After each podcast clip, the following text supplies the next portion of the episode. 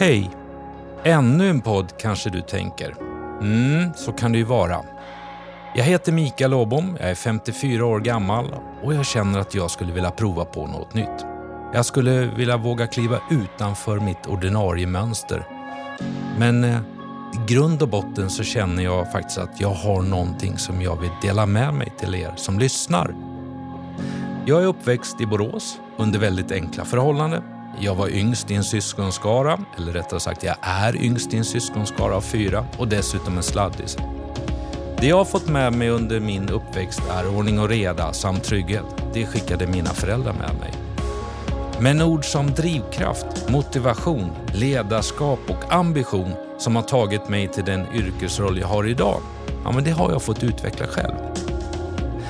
Sedan eh, drygt fyra år tillbaka är jag VD och koncernchef för Fonuskoncernen och eh, Fonus är ett välkänt varumärke inom begravning, men vi har också en väldigt stor verksamhet som heter Familjens Jurist.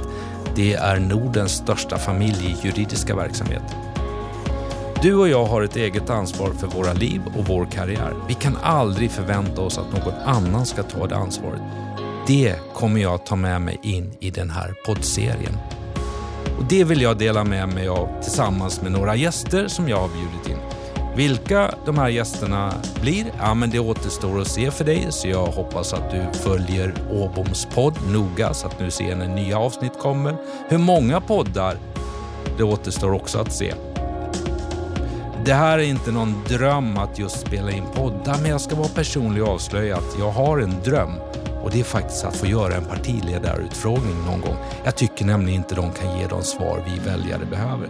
Så kanske är det här det närmaste jag kommer och det är att få spela in en ledarskapspodd och jag hoppas att du ska tycka att den är riktigt bra.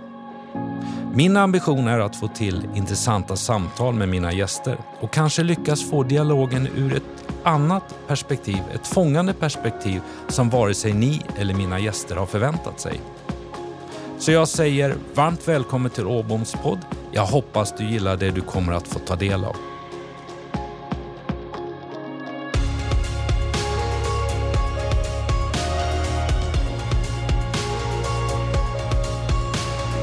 Mitt emot mig sitter en person som är uppvuxen i Stockholm.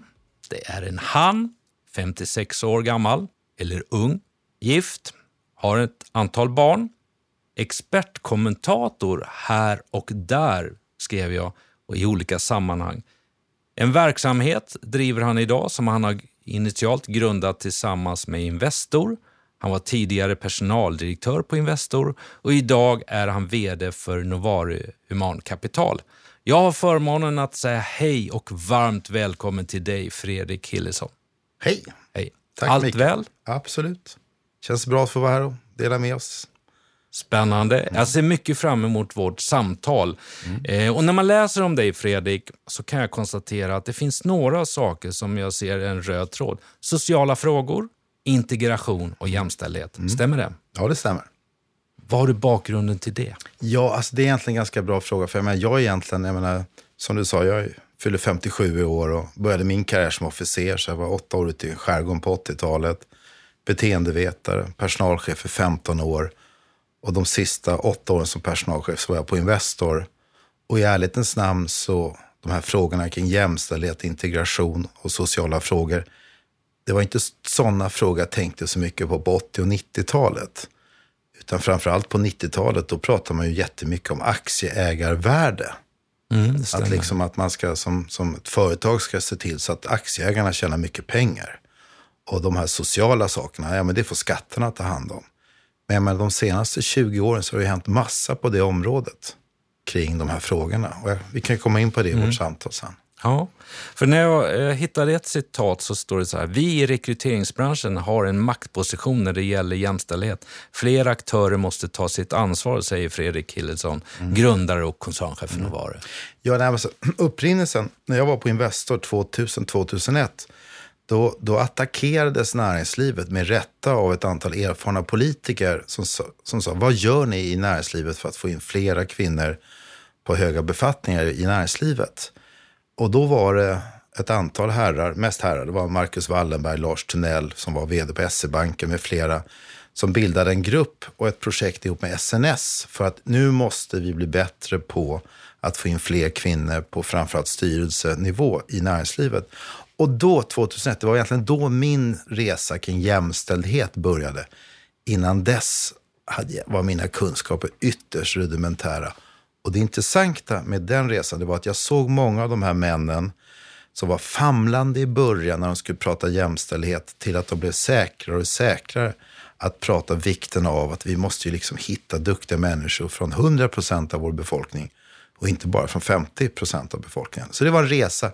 Så sen dess har jag verkligen jobbat jättemycket med jämställdhet. Jag har till och med varit i Japan och föredragit om jämställdhet för japanska premiärministern för tre, fyra år sedan. Spännande. Ja, det var spännande. Hur gick det? Jo, jag tänkte hur ska de här japanerna, och Japan är ett land som sjunker. Alltså de är 120 miljoner människor, snart kommer det vara 90 miljoner människor, för det föds inga barn. Så då tänkte jag, hur ska jag få dem att komma ihåg Fredrik Hillesson från, från, från Sverige? Så jag hade en bild på den här gamla brottaren, eller tyngdlyftaren, Hoa Hoa Dahlgren, han höll en liten bebis i handen. Mm, den kommer jag ihåg, och med den här t-shirten. Exakt, ja, han hade ju själv inga barn, men, men han var ju en känd figur då på 70-talet. Och då började jag med att säga att i Sverige, it's macho to be home with your children, sa jag. På, på, och de skrattade. Och sen höll jag mitt korta anförande och sen visade jag en bild på en japansk sumobrottare med en liten bebis och sa att en dag kommer det bli så här i Japan.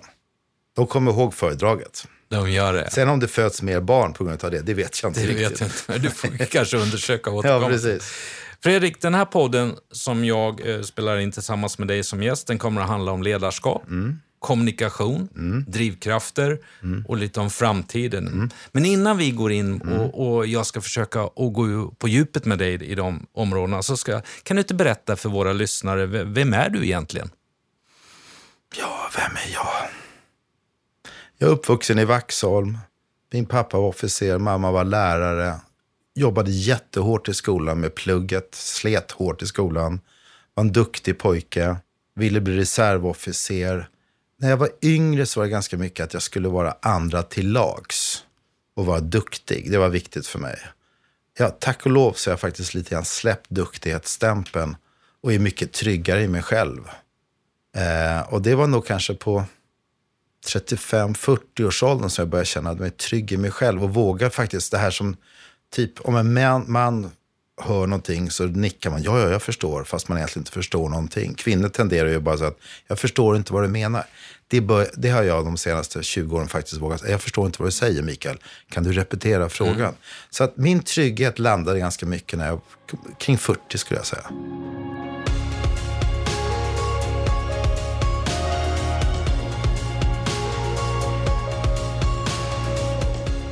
Jag har pratat med några av dina kollegor. Oj då. Hmm. Mm. Och de säger att ja, men Fredrik, han är extremt kreativ och rik på idéer. Ja. vad, vad menar de då egentligen? Nej, men jag, jag, jag, jag ser bara möjligheter och inga problem. Eh, och, och det gör att jag, jag, jag tänker hela tiden, okej, okay, hur kan vi vända? Jag är, en, jag är en rastlös människa som hela tiden vill framåt och jag ser hela tiden lösningar. Och det kommer vi komma in på när vi pratar om de sociala projekt som vi har startat på Novare. Men, men, men jag har nog haft det sen, sen, sen jag var ung, att hitta på, vara kreativ. Jag kommer ihåg i militären, jag hade massa idéer om vi skulle göra saker och ting för bättre. Och så, Hillesson, vi hör vad du säger, men vi struntar i det. Så att den miljön var inte, tilläts man inte vara så kreativ i. Nej, okej. Okay. Får du vara det idag? Oerhört kreativ. Okay. jag förstår. Och vi tar oss då vidare till, mm. till rollen på Novare som du har varit med från början och mm. grundat. Um, ja, men hur känns det att vara vd för ett av Sveriges största och mest framgångsrika searchbolag i grunden? Och sen, vad är ni idag? Berätta lite. Nej, men alltså, Novare idag, vi är en 250 miljoners affär. Vi är en 120 medarbetare, ungefär 150 medarbetare som vi hyr ut till andra kunder. Och när jag startade 2001, då var jag, då var jag ensam då. Och då var jag inom Investor, och, vilket var fantastiskt. Och sen 2014 så har vi varit helt, helt, oerhört självständiga. Men, men vi har väl försökt, vi, vi började som en uppstickare och ville utmana en bransch som var oerhört konservativ och till vissa delar fortfarande är konservativ där det är ganska mycket hemlighetsmakeri och det är inte särskilt transparent och öppet. Så jag gillar att vara den här lite underdogen. Jag tror att jag har varit en underdog sedan jag bodde i Vaxholm och gick i skola på Kungsholmen. Jag gillar att vara underdogen. Och det vill jag ska vara kvar i vårt företag, även om vi idag är en av de tre största aktörerna i landet. Men det är inte bara searchverksamhet av, av, av exekutiva chefer idag, utan du har lite andra, eh, ja, integration och så vidare. Ja, nej, men alltså, själva basen är chefsrekrytering, rekrytering och utbildning. Eh, men av olika händelser då, så typ för sex år sedan, då startade vi ett rekryteringsbolag som bara rekryterar unga människor med funktionsvariation. Alltså, alltså Asperger, autism och liknande. Och det var inte jag som kom på den briljanta idén, utan det var ett föredrag som dåvarande socialförsäkringsministern Ulf Kristersson påtalade att i Sverige finns det i en årskull ungefär 3 000 barn av 100 000 som går i särskola och 95 procent av dem får aldrig ett jobb i hela sitt liv. Och då tänkte jag, nej men det där är ju inte rätt liksom. Här, vi måste göra någonting. Och i och med att jag är en rastlös, handlingsorienterad person så hittade jag en duktig man som hjälpte mig att starta det här bolaget. Och idag så får vi ut ungefär 50 70 ungdomar varje år i riktiga jobb tack vare oss och vårt nätverk. Men, men det var en politikers idé som, gjorde, som vi tog vidare då. Så att det bolaget heter Novare Peritos. Och det är jag oerhört stolt över att vi har startat. Mm, det förstår jag. Jag har en bild framför mig. Ja. Eh, här där jag har mina förberedelser. Och, och, där har du eh, prinsparet på besök kring den verksamheten. Ja, just det. Det var prins Carl Philip och prinsessan Sofia var där hos oss förra året. Nej, men jag menar, alltså det är ju så att som jag sa, näringslivet måste ta ett större socialt ansvar i vårt land. Och, och, och där menar jag att vår kungafamilj har tagit ett stort socialt ansvar sedan hundratals år skulle jag vilja påstå. Och kan vi hitta former så att de var besökte oss och orienterade oss om vår verksamhet. Ställde jättejobbiga frågor och krävande frågor om... Och, men det var bra liksom. Nu är jag ju så här som rak när jag sitter mm. som intervjuare. Du kommer in här, du är um, snygg kostym, Mm. Snygg skjorta. Ja. Men på bilden här så har du en liten skrynklig linneskjorta när du Absolut. möter prinsparet. Ja, ja, nej, Hur går det ihop? Nej, min ordförande skällde ut mig. Hon, är, hon, hon, har varit landshövding på Gotland. Hon sa, Fredrik, så där får man inte se ut. men, men jag tänkte att aj, ibland är det bra att klä ner sig lite grann. ja, fantastiskt. Ja. Jag tror att det visar på en, en, en otroligt inre trygghet nej, som det, du har. Jo, men det, saken hör att jag har, jag har haft förmånen att hjälpa prinsessan Sofia. Man har rekryteringar till Project Playground. Så att jag, jag känner mig trygg med, med, med henne. Mm. Och prinsen är off, officer amfibiekåren som jag kommer ifrån, så jag känner mig trygg ja, du, hittar, du hittar de här ja, samma röda tråden där. Ja. Fredrik, du möter ju, om vi går in på, på ledarskap, du möter ledare varje dag. Mm. Uh, säga, alla ledare vill väl träffa dig för att uh, ja, ligga bra till inför en kommande rekrytering. Mm. Uh, hur många träffar du varje år? Nej, men jag brukar träffa ungefär 700-800 människor varje år. Och förra året så var jag med och rekryterade in ungefär 29 vd, generalsekreterare, direktörer då, i vårt arbetsliv. Så jag träffar otroligt mycket folk. Om vi pratar om ledarskap, både utifrån de du möter, men också i din roll som vd för Novarugruppen. Alltså, hur, hur, hur viktigt är begreppet ledarskap för dig? Alltså jag, jag brukar säga att jag har tio saker att titta på när jag träffar en person, oavsett vem han eller hon är.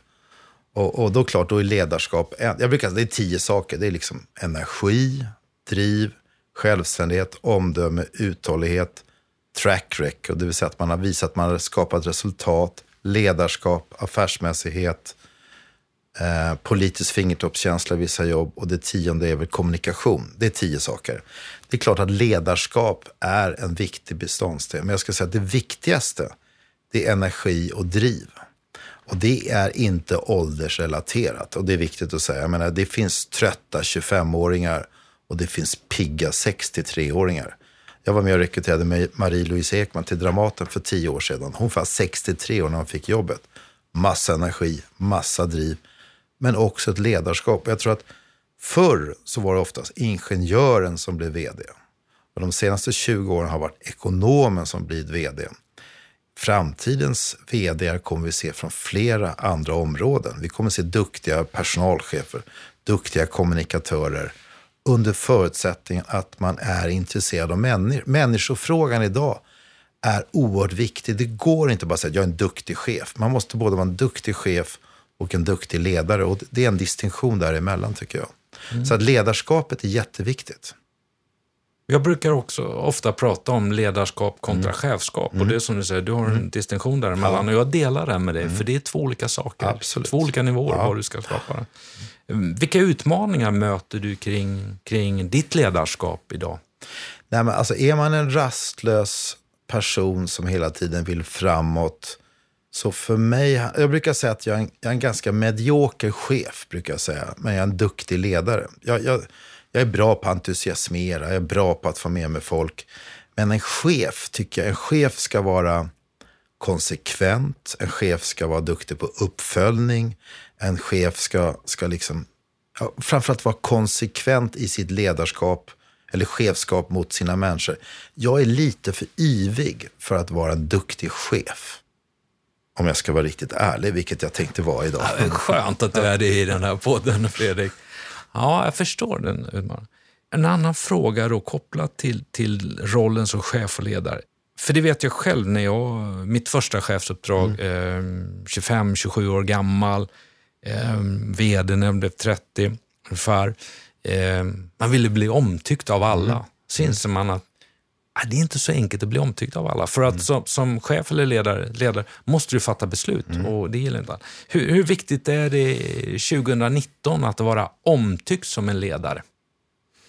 Eh, alltså mina erfarenheter är att, jag tycker mina erfarenheter då, det är att, och nu generaliserar jag grovt, men jag tycker på tok för många män är otroligt konflikträdda. Mina erfarenheter är att kvinnor är mycket rakare och tydligare och vågar fatta bättre och klokare beslut. Så att, men att vara omtyckt, nej, jag tror att det är livsfarligt att gå in med, med inställningen att jag ska bli en omtyckt chef.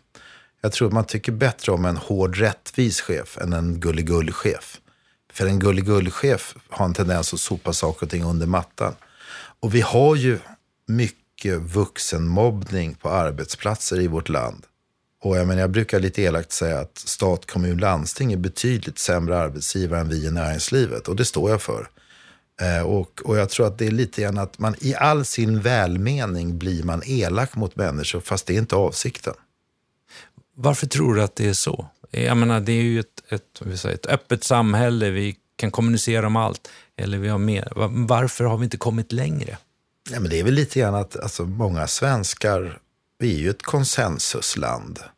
Och då kan man ja, ja men det är lika bra att vi kommer överens och vi sopar saker och ting under mattan. Och det där tror inte jag på. Det, det, det är farligt.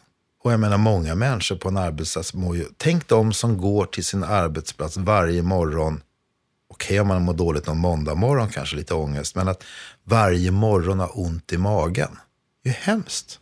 Så jag mm. tror att jag brukar säga att det här landet som industrination. Vi har investerat mycket pengar i maskiner och det ska vara så effektivt och bra. Men vi har egentligen investerat ganska lite pengar i, i människan och att få människan att känna sig trygg. Jag brukar säga att jag, jag har inga problem om jag har en medarbetare när jag säger ja, vi har ett kundmöte som börjar 16.30 på fredag, kan du hänga med? Nej Fredrik, jag är ledsen, men jag ska åka och hämta mina barn klockan 16. Det är helt okej. Okay. Jag blir glad när någon vågar känna sig så trygg som vågar säga, Fredrik, det går inte. Mm. Det hade varit värre om de sa att jag har inga problem. Och så har de ett helvete att få det att funka där hemma. Är det en eh, medveten kultur du har skapat, eh, mm, så att säga, från dig naturligtvis, men har, den, har du behövt liksom skapa ett, man, ett kulturprogram eh, i, i, i din eh, företagsgrupp? Eh, för att det ska komma dit, att det ska finnas den där tryggheten? Nej, jag, alltså det, jag utgår nog, alltså jag har, I min familj är vi totalt sju ungdomar och barn. Och de yngsta är 8, 10, 12 och de äldsta är nu, ska vi se, 20, 24, 26, 28. Man behövde nästan en kul ram för att ja, komma. Exakt, ja, exakt. bra jobbat. Jag är dålig i matte liksom. men, men, men det, jag ska säga så här att jag vet själv vilket helvete det var när jag var 28 och, och till 40 och, och, fyra barn kom. Man ville vara alla till lags och att få det att funka. Och nu när man då, yngste sonen är åtta, har jag tänkt mycket på att, och då, jag är vd, jag styr min tid och jag har en enorm frihet. Så jag, det är faktiskt ganska mycket från att hur jag själv upp, upplevde den i 30-årsåldern. Jag vill inte att mina medarbetare ska upp, ja, uppleva samma sak som jag gjorde på grund av att man ville vara alla till lags. Liksom. Så det är nog ganska mycket mig själv faktiskt. Exempelvis, så jag skulle skälla ut en medarbetare som kommenterar om någon går hem halv tre, tre från kontoret och säger jobbar du halvtid idag Mikael? Mm. Det är bland det värsta jag vet. För jag vet hur jobbigt det är för en person att höra det. En bra arbetsplats idag har en kultur där man är tillåtande mot det. Mm. En modern kultur. Absolut. Mm. Men det är en stor omställning och det ska jag själv säga, handen på hjärtat. Det är en stor omställning utifrån hur man själv har blivit fostrad ah, eller växt ja. upp i, i, i den här resan. Ja, just det. Men våra unga medarbetare, 80-90-talisterna, de är ju mycket mer krävande än vad vi som 60-talister är. Jag menar, vi har lite mer att slå ihop klackarna, bita ihop och egentligen inte kräva så mycket feedback och liknande. Den nya generationen är ju på det sättet mycket mer krävande och de kommer sluta om de inte tycker att det är en bra arbetsgivare. Nej, jag delar den mm. analysen kring det. Vad gör dig riktigt glad som ledare? Vad gör mig riktigt glad som ledare? Nej, men det är väl att, att jag, när jag ser att mina medarbetare tar ansvar och gör saker och ting. Och man säger wow, vad duktiga de är, eller vad bra det var. Liksom. Eller när de är raka och ärliga och vågar utmana mig. Ja. Det, det... Och det vågar man hos dig? Nej, inte alla. Nej, nej, nej, gud nej. Jag, jag, jag är en stark person, så att, ja. nej, nej, det är säkert en och annan som inte ja. vågar göra det. Ja. Men oftast är man ju omedveten själv. Men det här med självinsikt är en viktig sak mm. för en chef att reflektera över. Vi pratade om, och du nämnde själv om de nya som kommer in och, och så att säga 90-talister kontra eh, 60-talister och så vidare. Eh, den här samhällets utveckling eh, med ett annat sätt att leva, hur, hur, hur påverkar den oss som ledare? Nej, men alltså, det finns ju de som menar att den nya generationen är hopplös, men jag menar, samhället blir trots allt bättre och bättre. Det är inte så att världen blir sämre, även om man tror det. Men jag tror att utmaningen med 80 framför, och kanske 90-talisterna, det är att man måste vara duktig på att ge dem feedback. Och både bra feedback och dålig feedback. Så att de vet vad som är bra och dåligt. För jag tror att de kräver feedback. Mm. De, och de, det, inte, det, går inte att säga att vi har ett årligt utvecklingssamtal, Mikael, så vänta tills vi har vårt utvecklingssamtal. Utan vi måste lära oss att ge personer feedback mycket mer ofta. Och det måste vara en konstruktiv feedback. För ibland kan jag känna lite grann med unga människor att, att det, det min pojkvän har gjort slut så jag måste vara hemma två dagar. Nej, du ska inte vara hemma två dagar, du ska jobba. Att, att det får inte bli så att, att vi, så fort det blir en, ett, så fort man misslyckas så misslyckas man. Mm. Jag skulle säga att den här generationen slås ut mycket, mycket tidigare än vad vi mm. gjorde. Är det en prestationsångest som de har? Eller? Ja, jag tror liksom att... min uppfattning är att skolan idag är ju att, jag menar nu, om du misslyckas på årskurs 1 i gymnasiet så är det jättesvårt. Du kan inte ta igen det som man kunde göra på mm. vår tid. Mm. Utan då, då måste du ju gå på komvux. Mm. Så att jag tror lite grann att det är hårdare idag än vad det var på vår tid. Mm. Vilket, och jag tror att det här med allt med liksom Facebook och allt ska vara så lyckligt och alla människor som lägger bilder på sig själva och allt ska vara så lyckligt. Eh, den tror jag är farlig. För jag menar, livet har två sidor. Den har två sidor, ja, ja absolut. Inte minst i din bransch. Nej, det är helt mm. rätt. Vi ser ju det frekvent. Ja, ja. Um, såväl in, inom, inom, ja, inom båda våra affärsområden ser vi ju liksom den andra sidan på absolut, myntet, helt klart. Och det jag kan se, och jag gör själv en, en fortsatt egen resa i det här. Jag är uppfostrad liksom så här är det, så här man klär på sig någon roll och så vidare. Eh, jag kan gå till, till mina egna ungdomar och så vidare och se liksom hur de tänker annorlunda, eller framförallt är annorlunda och att vi har byggt upp ett system från skola uppåt där alla ska vara lika och så mm. kör vi bara det. Mm. Och det, när man kommer upp i arbetslivet, jag säger, det funkar inte. Vi som ledare måste förstå hur olika eh, människor är och hur vi ska hantera mm. dem. Och ändå få dem att mm. utvecklas, trivas och leverera liksom, en bra insats. Absolut. Nej, och, ja, men det finns ju två skolor. Ja, men titta USA exempelvis. Där, där får man ju inte fråga någonting om hur gammal du är och hur många barn du har och det ena med det andra. Utan där blir det liksom ungefär som, min uppfattning att där tittar man bara på arbetslivet. Det du presterar på arbetet. Din, din privata, det är din sak. Jag tillhör ju de som tycker att man ska liksom titta på helheten. För jag tror en, jag menar, en människa som mår dåligt kan må dåligt av olika skäl och det kan vara mycket privata saker och ting som får konsekvenser för arbetslivet. Men det är ju en balansgång här med integritet och liknande. Men jag vill ju inte ha att vi har människor på, på jobbet som är robotar och inte vågar berätta att i, idag har jag jobbigt för jag har, jag har liksom haft en jobbig helg eller jag har problem hemma. Alltså jag, jag tror ju på att vi måste få människor att våga vara hela människor och inte halva människor. Nej. Men det är inte alla som håller med om det. Nej. Jag har haft två, um, längre tillbaka i karriären, två ordförande mm. kan man säga, som um, med liksom välbärgade och på det mm. sättet. Och jag sa, ni, ni har inte förstått att när vi möter våra medarbetare på måndag morgon så har vi mm. inte en aning om mm. vad de har varit med under helgen. Och så mm. tycker vi att de ska stå på barrikaderna klockan åtta och göra sitt yttersta. Där måste vi som ledare gå in och vara lite mer mänskliga och känna av det här och förstå hur vi ska kunna vara ett stöd och, och ta hand om dem på ett annat sätt. Mm. Ja, men så är det ju. Mm. Ledarskap för mig handlar, Fredrik, väldigt mycket också om kommunikation. Mm. Är du bra på kommunikation? Ja, jag skulle säga, om jag nu ska vara lite självgod. Absolut, det är tillåtet i ja, den här okay. podden. Nej, men jag skulle säga så här att jag tycker om att kommunicera. Vi, vad vi har gjort på Novare är att vi varje månad har ett månadsmöte för alla medarbetare. Där jag som vd och mina tio vd berättar vad som har hänt under månaden. Har vi haft ett styrelsemöte veckan innan eller någon vecka innan så jag har inga problem att i stort sett berätta allt så länge inte jag pratar om enskilda individer för mina medarbetare så att de ska känna sig otroligt, att det ska vara ett öppet, transparent eh, informationsflöde. Det tror jag är jätteviktigt. Vad, vad ser du för utmaningar i att, att kunna vara transparent eller att kommunicera med, med eh, alla dina medarbetare? Jo, men det är klart. Om jag berättar så här att, ta en sån här sak, okej. Okay. Om vi likviditet, liksom, hur mycket pengar har vi i kassan? Ska jag då berätta för mina medarbetare att just nu så har vi tajt i kassan? Eller ska, nej, nej, nej, du Fredrik ska inte berätta hur vår kassa ser ut, för då skrämmer du och gör våra medarbetare oroliga. Så att berätta inte det. Eh, jag berättar det. Mm. Eh, och då kanske folk blir oroliga.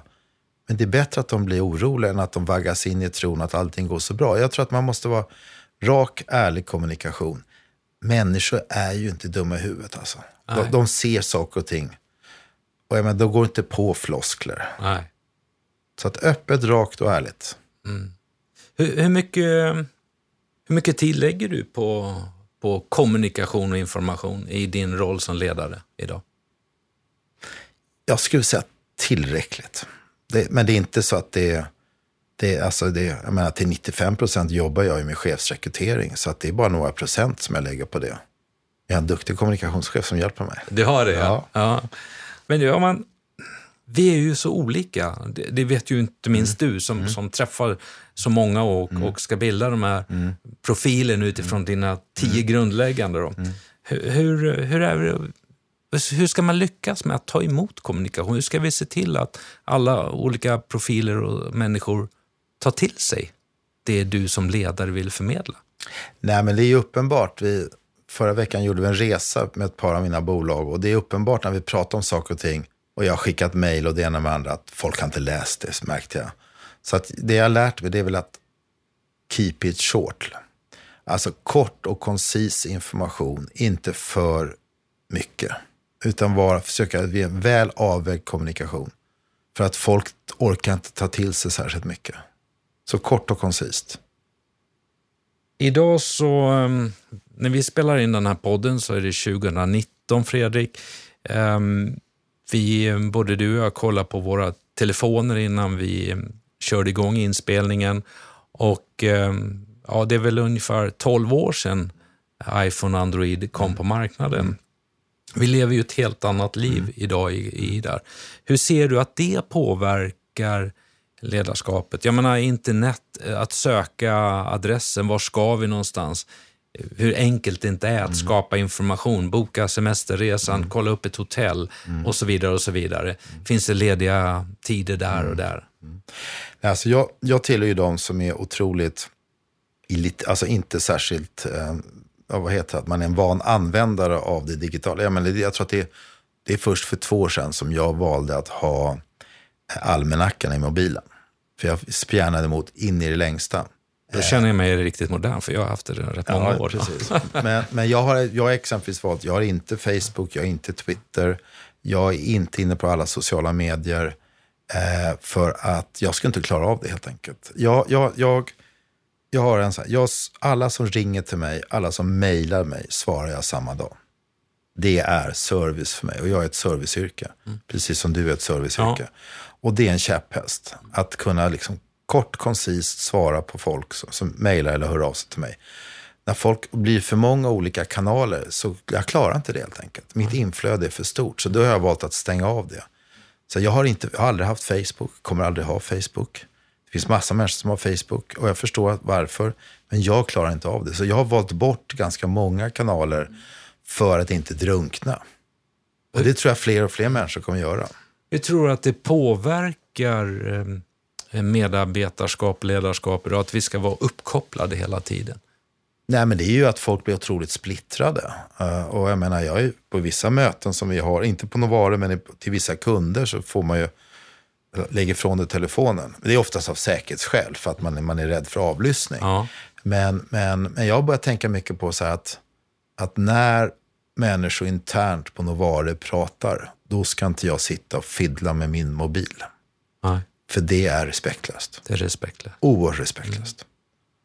Eh, och det, det, det, har jag gjort ganska mycket, men jag har inte, jag har inte fått tillsägelse. Men jag har själv insett att gör inte så Fredrik. Nej. Fokusera på medarbetarna. Ja. Så att jag tror att man...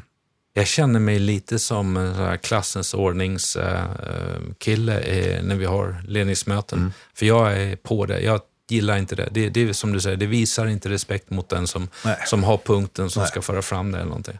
Och det, det är något jag känner att det måste vi som ledare ta ett ansvar för, att faktiskt ge fokus till dem som ska... Så du har liksom små, såna, du har små kister där folk får lägga sina mobiler i ledningsmötena? Ja, en bra idé. Jag tackar för idén. Vi får se vad kommer. Ja, tack snälla. Ja, den är värd en lunch, Fredrik.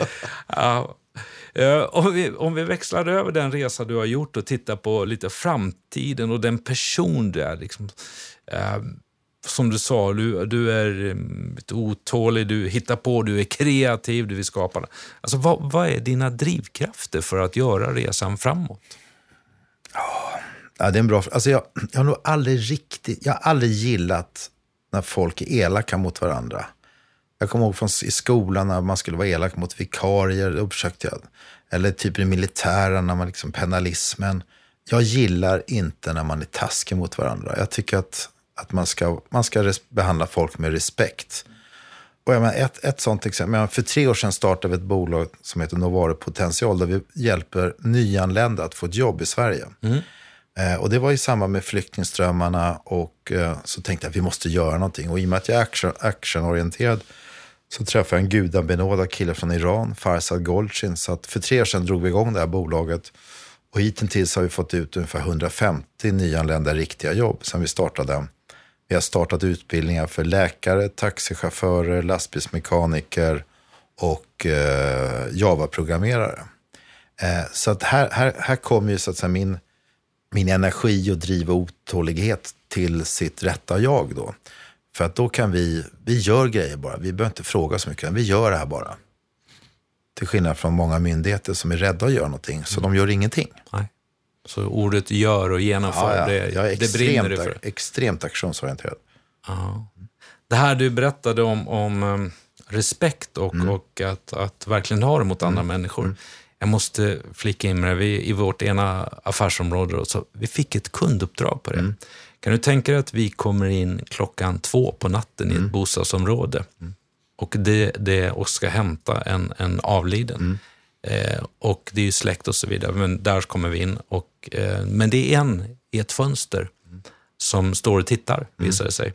Han har uppmärksammat att det har varit en ambulans där, men åkte iväg utan att så kommer vi med vår bil.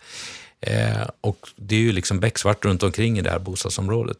Men när vi har gjort vårt jobb, mina två medarbetare går ut och har hämtat den och kommer ut värdigt, ställer sig i mörkret, bockar mm. för en person mm. som visar sig vara någon som, som inte tillhörde den övre skiktet i mm. samhällsklassen, mm. utan väntar. då står den här personen och, och tittar och sen äh, ringer oss sen. Och, för då blir det så att en, en person i den släkten avlider och säger jag vill träffa er. Jag vill träffa er som bockade för den personen som någon aldrig annars har bockat för. Ja, men fint. Jag tycker det var så Ja, häftigt. häftigt få det. starkt. Då blir- man stolt som ledare. Vi, här, vi gör, liksom, tar det här ansvaret, vi behandlar alla lika. Ja, Jag tror det är en viktig del Ja. i ledarskapet. Det är jätteviktigt. Ja. Fredrik, du reser, du har mycket möten, träffar olika... Hur, hur eh, som vd laddar du din energi? Jag sover mycket. Sover mycket? Ja. Nej, jag, jag, jag behöver, jag, tidigare när jag var yngre så skröt jag om att jag bara sov fem sex timmar. Eh, och så insåg jag att jag blev bara vresigare och vresigare och surare och surare. Eh, och barnen kallade att pappa du har damp. Eh, så att jag, jag, jag, jag ser till så att jag sover minst sju timmar. Gärna åtta timmar. Det är ett sätt att ladda om och, och att liksom vara disciplinerad med sömnen. Så jag, jag hoppar säng vid tio och jag brukar gå upp vid fem, kvart över fem. Varje morgon. Varje morgon? Pigg som en mört. Okej. Och det, sen har jag lärt mig att om man ska, man ska inte ha för lite fritid och man ska inte ha för mycket fritid. Men om du har ungefär två till två och en halv timme egen tid per dag, det är jättebra. Och tänk efter, har du två, två och en halv timme egen tid? Jag om jag går upp fem och sitter från fem till halv sju och läser tidningarna, svarar lite mejl. Det är för mig egen tid. Sen hjälper jag hustrun med, med frukost och ibland barnen med frukost och sådana saker. Men egen tid, det kan ju vara, ganska, det kan ju vara att titta på tv i egen tid. Okej. Två, två och en halv timme. Oh, det, det där var jobbigt. Jag hoppas inte min fru hör den här Mm. eh, podden. Då kan jag säga. Men vad härligt att du, Mm. liksom, var, var modigt att du, så här ska det vara. Ja, nej, nej, men de här timmarna innan familjen vaknar, det, det är en underbar tid. Där. Det. Du, vad, vad, får man fråga då? Vad gör du? Eh, egen tid, men eh, finns det någon fritid utöver det så att säga i Fredrik Hillesons liv? Nej, alltså jag, jag, ett- annat, jag, jag är ingen vän av att gå på gym och hålla på så här. Jag spelar tennis en timme i veckan, men jag försöker gå till möten. Så att typ, det här, det här tog mig 25 minuter att gå till ditt kontor här idag och jag kommer ta mig 25 minuter att gå tillbaka. Då har jag 50 minuter egen tid där man liksom rör på sig och, och tänker ganska mycket. Okej. Och svarar i telefon också. Vad spännande. Ja. Ja, svar i telefon. Jag förstår det. Framtiden då, eh, vidare. Eh, vad ser du? Vad kan vi skicka med från dig till de personer som lyssnar på podden utifrån eh, ledarskap? Vad är det viktigaste att ta med sig i, in i framtiden? Nej, men jag tycker att du, som individ så måste man bestämma sig för att vara ärlig mot sig själv och säga, vill jag vara chef över andra människor eller vill jag vara chef över mig själv? Och vill man vara chef över andra människor, då måste man förstå att minst halva tiden går ut på att stötta, coacha, hjälpa dem, lyfta fram dem. Är det så att man inte vill vara chef, då ska man säga, jag vill inte vara chef för att jag tycker inte det är kul. Så det handlar inte om vad som är bra eller dåligt, utan det handlar bara ut. Vill du vara chef? Vill du se andra växla?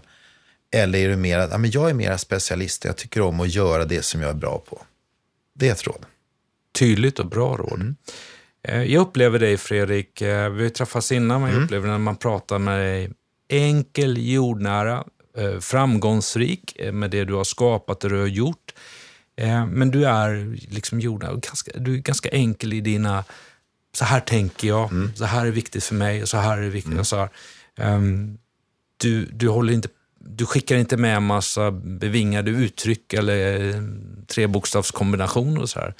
Men, men, har du dem ändå? Finns det något sånt där som du säger, det här vill jag att omvärlden ska verkligen komma ihåg, det här står jag för? Ja, du menar någon motto eller något sånt Ja, där, just eller? det. Nej, jag, jag, brukar säga i, jag brukar säga så här, att en A-chef får alltid A-medarbetare, en B-chef får alltid C-medarbetare. Det vill säga en duktig chef, kring honom eller henne så samlas det duktiga medarbetare. En dålig chef har, tenderar ofta att ha ännu sämre medarbetare, för han eller hon vill inte bli utmanad och hotad. Så hittar man de här öarna av duktiga chefer, och det kan vara i alla verksamheter. Det kan vara i, i all- kommun, landsting, näringslivet, i delar av sektorn. Kring duktiga människor samlas det andra duktiga människor. Det där lät väldigt inte klokt. Ja, ja, men jag har kört det någon gång. ja, jag förstår det. Uh, intressant. Men uh, om du, du träffar ju som du sa 700-800 personer, mm. ledare och ska mm. rekrytera och så vidare, um, per år. Hur är, om vi tar skala 0 till 10, eller temperaturen på ledarskapet i Sverige? För jag vet att du har mm. internationella kontakter som ni har. För hur, hur, tycker du att ledarskapet är i Sverige? Nej, men jag skulle säga att Sverige, jag menar, vi är ett rikt land. Vi, vi visar till stor del respekt för människor. Så det är klart att vi har ett modernt ledarskap i vårt land. Och jag tror att vi är, det faktum att vi pratar om jämställdhet, vi pratar om metoo, alltså jag menar vi ligger långt fram i tänket. Så att, eh, och det är oerhört positivt. Så att jag skulle säga att Sverige, vi ligger bra till. Borde vi ha kommit längre fram i ett ledarskapsperspektiv ur ett jämställdhetsperspektiv? Ja, absolut. Ja, men det är klart att, att vi får inte glömma bort att Sverige är ett exportland. 90 procent beror mycket på export. Det gör ju att många personer måste ut och resa 100, 150, 200 dagar per år. Och det är klart att för de kvinnorna som gör det, och männen beundrar jag jättemycket, men det är klart man gör enorma uppoffringar att resa runt och, och, i världen och sälja svenska produkter. Och jag menar, ska man då vara en, en perfekt mamma, en perfekt hustru, så alltså det, det, är utmanande i synen. Så vi har ju fortfarande en ganska traditionell syn på, på jämställdhet i det här landet. Och där måste vi bli mycket bättre. Men jag skulle samtidigt vilja säga att mångfaldsfrågan är ännu viktigare. Jag menar, 20 procent av svensken idag är ju född i ett annat land. Och mångfaldsaspekten är ännu viktigare för oss. Men där känner jag att vi börjar engagera oss mer och mer i det. Det gör vi.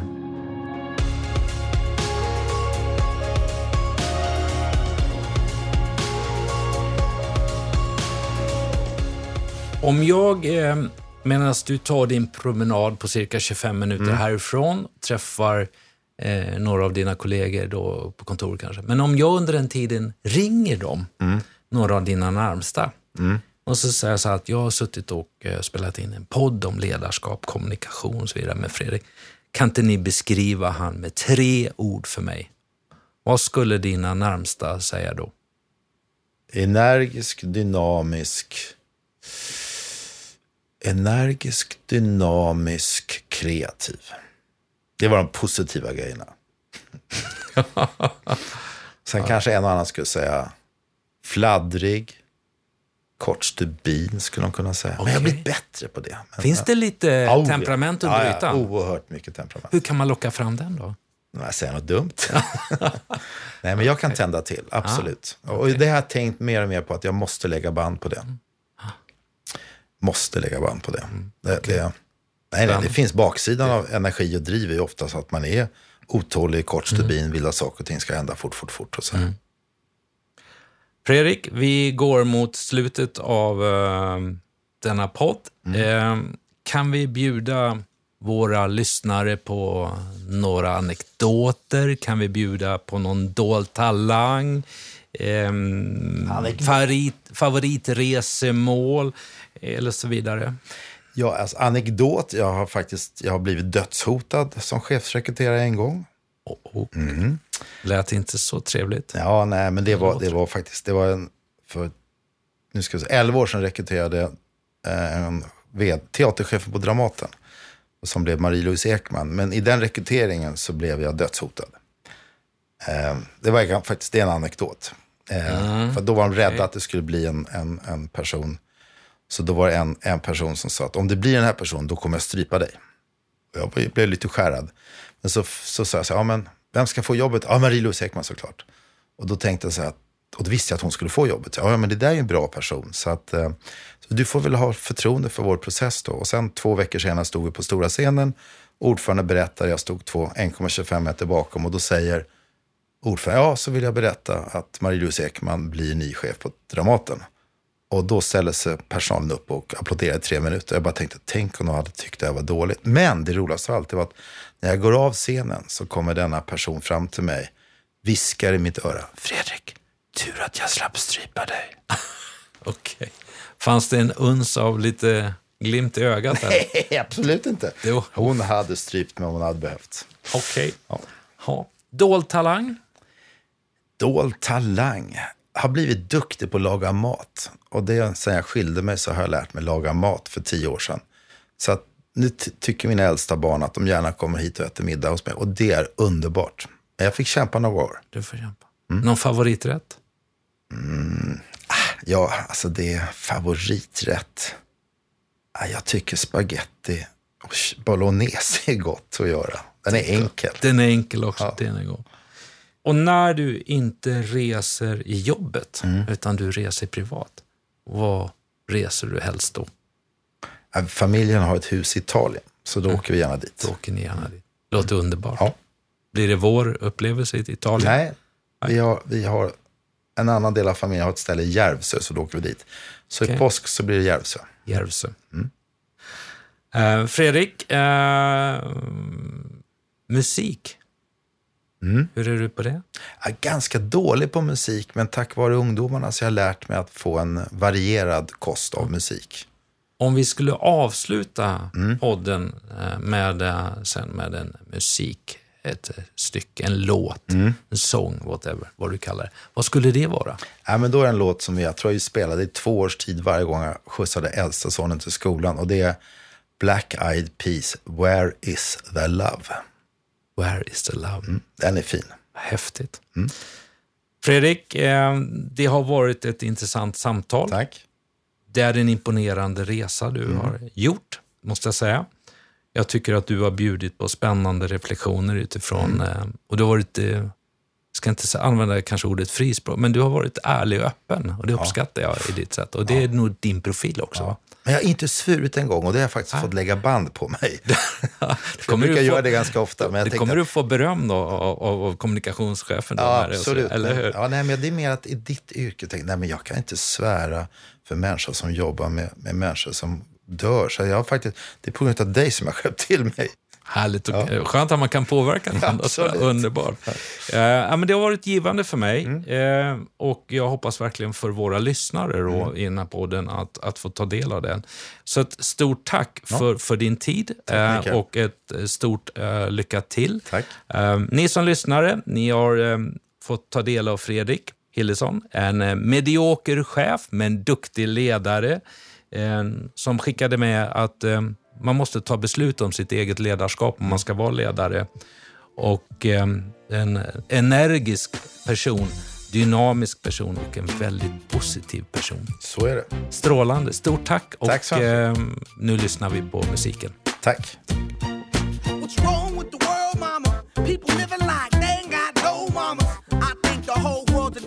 Drama. Only attracted to things that'll bring the trauma.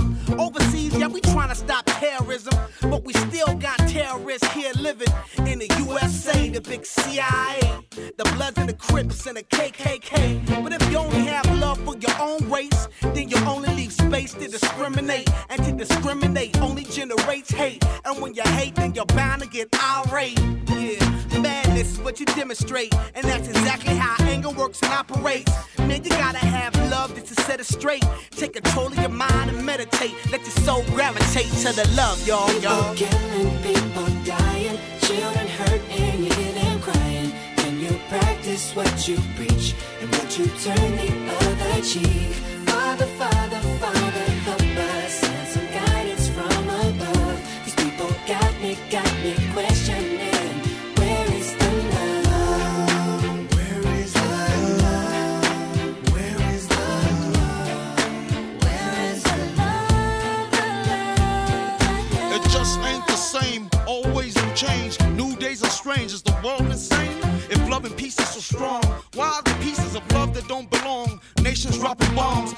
chemical gases filling lungs of little ones with ongoing suffering as the youth are young. So ask yourself, is the loving really gone? So I could ask myself, really, what is going wrong in this world that we living in? People keep on giving in, making wrong decisions, only visions of them dividends. Not respecting each other, denying thy brother.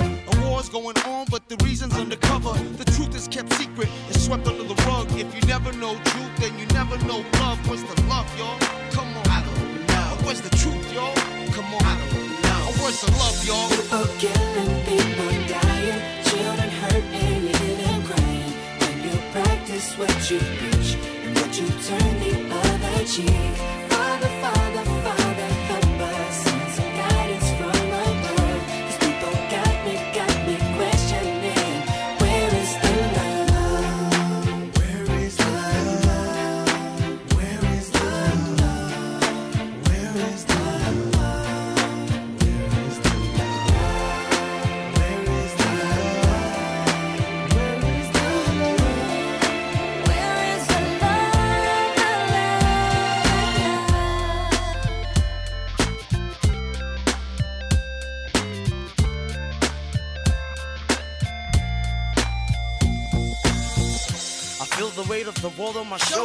As I'm getting older, your people get colder. Most of us only care about money making. Selfishness got us following the wrong direction. Wrong information always shown by the media. Negative images is the main criteria. Infecting the young minds faster than bacteria. Kids wanna act like what they see in the cinemas. Yeah. Whatever happened to the values of humanity? Whatever happened to the fairness and equality? Instead of spreading love, we're spreading animosity. Lack of understanding leading us away from unity. That's the reason why sometimes I'm feeling under. That's the reason why sometimes I'm feeling down. It's no wonder why sometimes I'm feeling under.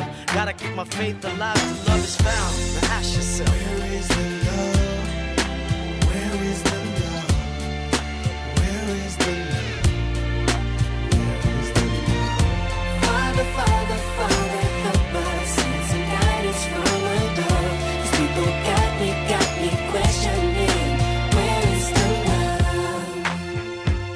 Sing with me, y'all. One world, one world. We only got one world, one world. That's all we got. One world, one world. And something's wrong with it. Something's wrong with it. Something's wrong with the good world, world. Yeah, we only got one world,